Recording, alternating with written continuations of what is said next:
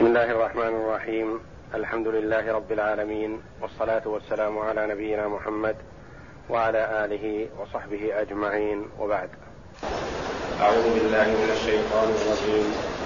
قل هل من شركائكم من يبدأ الخلق ثم يعيده؟ قل الله يبدأ الخلق ثم يعيده فانى تؤفكون قل هل من شركائكم من يهدي إلى الحق؟ قل الله يهدي للحق. أفمن يهدي إلى الحق؟ أفمن يهدي إلى الحق؟ أحق أن يتبع من لا يهدي إلا أن يهدى؟ فما لكم كيف تحكمون؟ وما يتبع أكثرهم إلا ظن إن الظن لا يغني من الحق شيئا. إن الله إن وما يتبع أكثرهم إلا ظنا إن الظن لا يغني من الحق شيئا إن الله عليم بما يفعلون. يقول الله جل وعلا قل هل من شركائكم من يبدأ الخلق ثم يعيده؟ قل الله يبدأ الخلق ثم يعيده فأنا تؤفكون تقدم لنا قبل هذه الآية قوله جل وعلا قل من يرزقكم من السماء والأرض أم من يملك السمع والأبصار ومن يخرج الحي من الميت ويخرج الميت من الحي ومن يدبر الأمر فسيقولون الله فقل أفلا تتقون. في هذه الآية مع الآيات التي قبلها إلزام الكفار حيث آمنوا بتوحيد الربوبية فيلزمهم أن يؤمنوا بتوحيد الألوهية. لأنه لا يستحق العبادة إلا من هو الخالق إلا إلا الخالق الرازق المحيي المميت المتصرف في الكون جل وعلا هو الذي يستحق العبادة. وقد اقروا بتوحيد الربوبية. وأمر الله جل وعلا محمدا صلى الله عليه وسلم أن يقل قل من يرزقكم من السماء والأرض.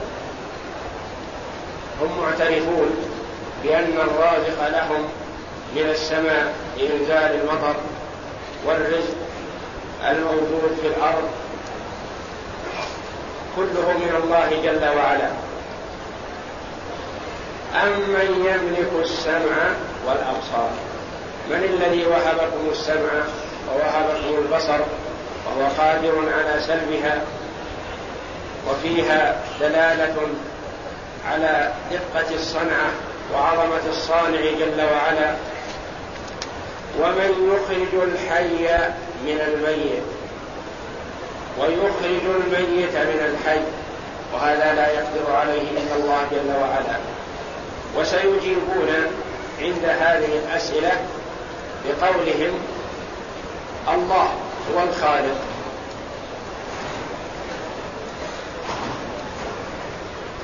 فعاتبهم الله جل وعلا ووبخهم على صرف حق الله جل وعلا إلى غيره. قال جل وعلا فذلكم الله ربكم الحق فماذا بعد الحق إلا الضلال فانا تصرفون. كذلك حقت كلمة ربك على الذين فسقوا أنهم لا يؤمنون. وتقدم أربعة أسئلة. قل من يرزقكم من السماء والأرض امن يملك السمع والأبصار؟ ومن يخرج الحي من الميت ويخرج الميت من الحي ومن يدبر الأمر. فسيقولون في هذه الأسئلة الأربعة سيقولون الخالق والموجد من هو؟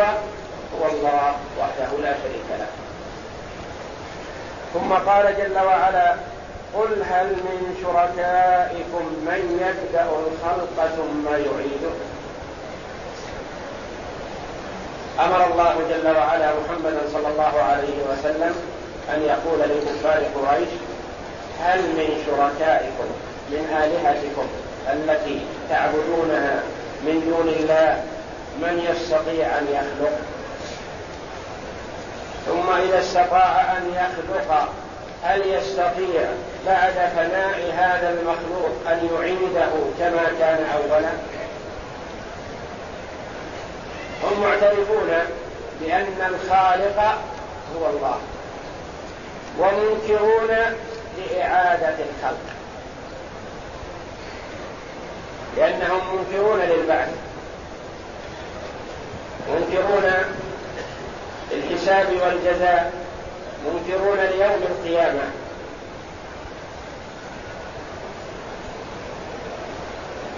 أمره الله جل وعلا أن يجيب ولا ينتظر الإجابة منهم. ويلزمهم أن يقولوا الله. هم وإن كانوا معترفون بالخلق إلا أنهم منكرون للبعث. فالله جل وعلا يقول لمحمد صلى الله عليه وسلم قل هل من شركائكم والمراد من شركاء الآلهة التي يعبدونها من دون الله. من يبدأ الخلق يعني يخلق أول مرة على غير مثال سبق. ثم يعيده يفنيه ويحييه مرة أخرى. هل تقدر شركاؤكم على أن تفعل شيئا من ذلك؟ لا يقدرون على شيء من ذلك. قل الله يبدأ الخلق ثم يعيده.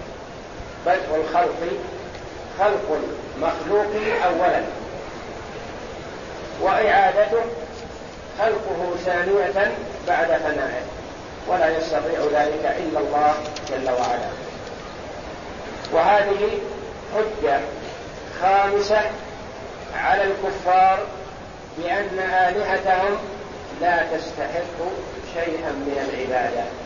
وأن الذي يستحق العبادة هو الله وحده. فأنا تؤفكون.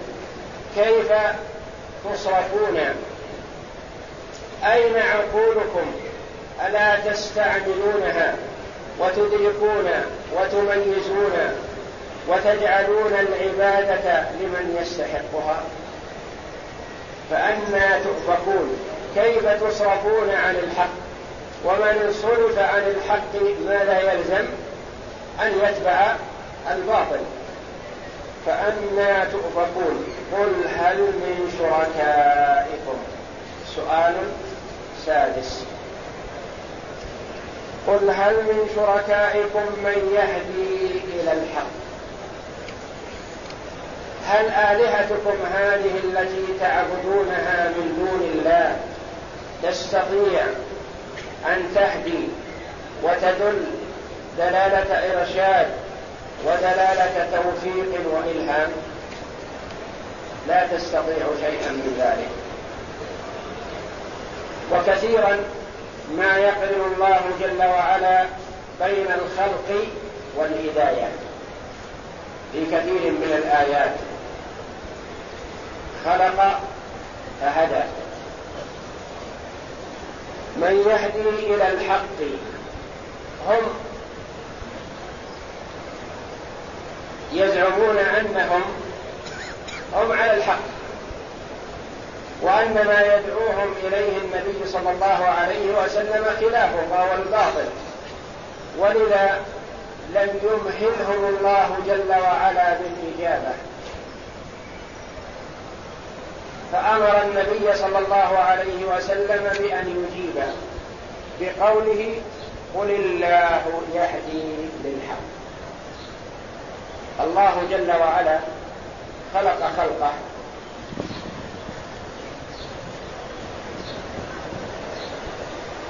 المخلوقات العاقلة وغير العاقلة.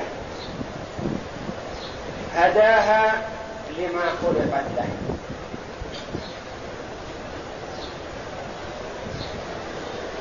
وأرسل الرسل وأنزل الكتب وأقام الحجة على العقلاء من خلقه ووفق من شاء من خلقه فهداه إلى الصراط المستقيم فأخذ به. وحرم من شاء من خلقه بعدله وحكمته فلم يوفقه للأخذ بالحق. إذا الهداية العامة لجميع الخلق للعقلاء منهم وغير العقلاء. خلق البهائم وهداها لما خلقت له بأن ألهمها أن تسير على ما سنه الله جل وعلا لها. وخلق العقلاء جل وعلا. والهداية في حق العقلاء هدايتان. هداية دلالة وإرشاد وتوضيح وهذه موجودة للجميع. وهداية توفيق وإلهام وهذه خاصة بالمؤمنين. فهو جل وعلا خلق جميع الخلق وهداهم لما خلقوا له هداية دلالة وإرشاد ووفق من شاء من عباده فسلك الطريق المستقيم. قل الله يهدي للحق يقول الله. أفمن يهدي إلى الحق أحق أن يتبع؟ امن لا يهدي إلا أن يهدى؟ أيهما أولى بالاتباع؟ الذي يخلق ويهدي أم الذي لا يستطيع شيئا من الهداية؟ هل هذه الأصنام التي تعبد من دون الله تستطيع أن تهدي وتدل وترشد أو توفق وتلهم أحدا من الخلق للخير لا تستطيع شيئا من ذلك لأنها جمادات لا تسمع ولا تعقل. ومن عبد من العقلاء فهو لا يستطيع التوفيق ولا يستطيع الإلهام وإنما يهدي دلالة إرشاد وبيان وإيضاح بأمر الله جل وعلا له. كمن عبد من الأنبياء والملائكة والصالحين. فهؤلاء كلهم لا يستطيعون أن يقذفوا الهداية في القلوب أو يلقوها وإنما يدل ويرشد لا من تلقاء أنفسهم وإنما بأمر الله جل وعلا. أفمن يهدي إلى الحق أحق أن يتبع؟ أمن لا يهدي أصلها؟ أمن لا يهتدي؟ لا يهتدي هو بنفسه إلا أن يهدى لذلك. أمن لا يهتدي؟ فمن لا يهتدي لا يحق لا يستحق أن يتبع ويعبد من دون الله. إلا أن يهدى إلا أن يهدى فيهدي لما هدي إذا كان من العقلاء. هداه الله جل وعلا وأرشده فدعا إلى ما هداه الله جل وعلا إليه. وقيل في معنى لا أحق أن يتبع أم من لا يهدي إلا أن يهدى. أم من لا يهتدي إلا أن يهدى. الهداية هنا بمعنى النقل والانتقال من مكان إلى مكان. وذلك الأصنام هم التي يعبدونها من دون الله. لا تستطيع أن تنتقل من مكان إلى مكان إلا أن تنقل. ينقلها مخلوق. يحملها ويرفعها من هذا المكان إلى هذا المكان. أمثل هذه تستحق أن تتبع. فما لكم كيف تحكمون؟ ما هذا الحكم الجائر الصادر منكم؟ تسوون هذه الجمادات وهذه الأصنام التي لا تنفع ولا تضر ولا تدل على خير ولا تحذر ولا تنذر من شر. تجعلونها مساوية لله جل وعلا الذي خلق فهدى. فما لكم كيف تحكمون؟ وما يتبع أكثرهم. وما يتبع أكثرهم.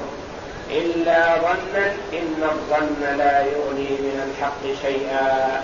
إن الله عليم بما يفعلون. ما يتبع أكثرهم. قيل في معنى أكثرهم أي كلهم. لأن الأكثرية تطلق على الكل. وقيل أكثرهم المراد بهم رؤساؤهم وقادتهم. الذين هم المتبوعون. وما يتبع أكثرهم إلا ظنا. وتقدم لنا أن الظن يكون عند غلبة أحد الأمرين على الآخر. والشك إذا تساوى عنده الأمران والوهم إذا ضعف أحدهما عن الآخر. فالمراد بهذا الظن خلاف الحقيقة.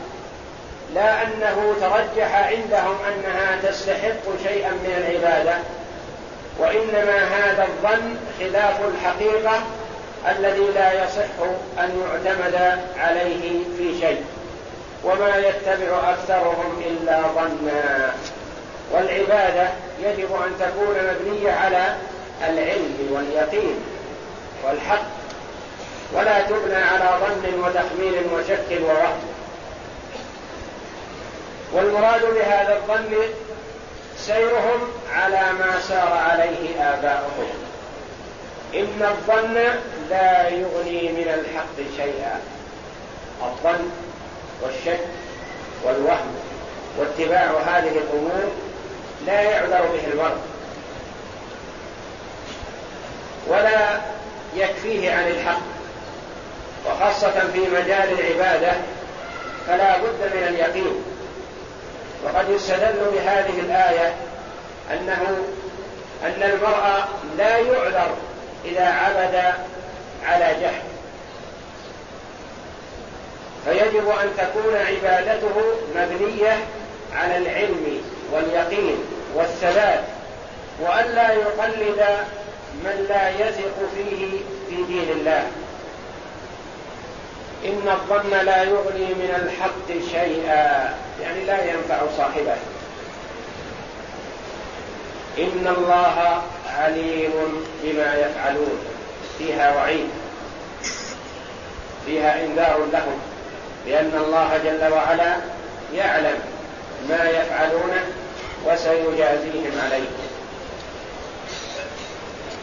فتقول لمن تتوعده مثلا اعمل وأنا على اطلاع على عملك. أطلع على عملك. يعني أجازيك على حسب ما تعمل. فالله جل وعلا عليم بفعلهم. لا تخفى عليه خافية. مطلع على أعمالهم وسيجازيهم عليها. ففي هذه الآيات مع الآيات السابقة تكرار للأسئلة الموجهة لكفار قريش ومن حذا حذرهم من المشركين. في الآيات السابقة لما كانوا معترفين بالخلق وما عطف عليه أخبر الله جل وعلا بأنهم سيقولون الله أي هو الفاعل. وفي هاتين الآيتين في قوله جل وعلا قل هل من شركائكم من يبدأ الخلق ثم يعيده؟ وفي قوله قل هل من شركائكم من يهدي إلى الحق؟ لما كانوا غير معترفين بالبعث وإن كانوا معترفين بالخلق غير معترفين بالبعث وغير معترفين بالهداية أمر الله جل وعلا عبده ورسوله محمدا صلى الله عليه وسلم أن يجيب ولا ينتظر الجواب منهم. الله. أعوذ بالله من الشيطان الرجيم. قل هل من شركائكم من يبدأ الخلق ثم يعيده؟ قل الله يبدأ الخلق ثم يعيده فأنا تؤفكون. قل هل من شركائكم من يهدي إلى الحق قل الله يهدي للحق فمن يهدي إلى الحق أحق أن يتبع أمن لا يهدي إلا أن يهدى فما لكم كيف تحكمون؟ وما يتبع أكثرهم إلا ظنا إن الظن لا يغني من الحق شيئا إن الله عليم بما يفعلون. قال العماد بن كثير رحمه الله تعالى وهذا إبطال لدعواهم فيما أشركوا بالله غيره. وعبدوا من الأصنام والأنداد قل هل من شركائكم من يبدأ الخلق ثم يعيده أي من بدأ خلق هذه السماوات والأرض ثم ينشئ ما فيهما من الخلائق ويفرق أجرام السماوات والأرض ويبدلهما بفناء ما فيهما ثم يعيد الخلق خلقا جديدا. قل الله هو الذي يفعل هذا ويستقل به وحده لا شريك له. فأنا تؤفكون أي فكيف تصرفون عن طريق الرشد إلى الباطل؟ قل هل من شركائكم من يهدي إلى الحق؟ قل الله يهدي للحق. أي أنتم تعلمون أن شركاءكم لا تقدر على هداية ضال وإنما يهدي الحيارى والضلال. والضلال. وإنما يهدي الحيارى والضلال ويقلب القلوب ويقلب القلوب من الغي إلى الرشد. الله الذي لا إله إلا هو. أفمن يهدي إلى الحق أحق أن يتبع؟ أمن لا يهدي أمن لا أمن لا يهدي إلا يهدي فيها عدة قراءات أي أفيتبع العبد الذي يهدي إلى الحق ويبصر ويبصر بعد العمى أم الذي لا يهدي إلى شيء إلا أن يهدى لعماه وفتنه كما قال تعالى إخبارا عن إبراهيم أنه قال يا أبت لم تعبد ما لا يسمع ولا يبصر ولا يغني عنك شيئا؟ وقال لقومه أتعبدون ما تنحتون؟ والله خلقكم وما تعملون. إلى غير ذلك من الآيات. وقوله فما لكم كيف تحكمون؟ أي فما بالكم أن يذهب بعقولكم أن يذهب بعقولكم كيف سويتم بين الله وبين خلقه؟ وعدلتم هذا بهذا وعبدتم هذا وهذا؟ وهلا أفردتم الرب جل جلاله المالك الحاكم الهادي من الضلالة بالعبادة وحده وأخلصتم إليه الدعوة والإنابة ثم بين تعالى أنهم لا يتبعون في دينهم هذا دليلا ولا برهانا وإنما هو ظن منهم أي توهم وتخيل وذلك لا يغني عنهم شيئا. إن الله عليم بما يفعلون تهديد لهم ووعيد شديد. لأنه تعالى أخبر أنه سيجازيهم على ذلك أتم الجزاء. والله أعلم وصلى الله وسلم وبارك على عبده ورسوله نبينا محمد وعلى آله.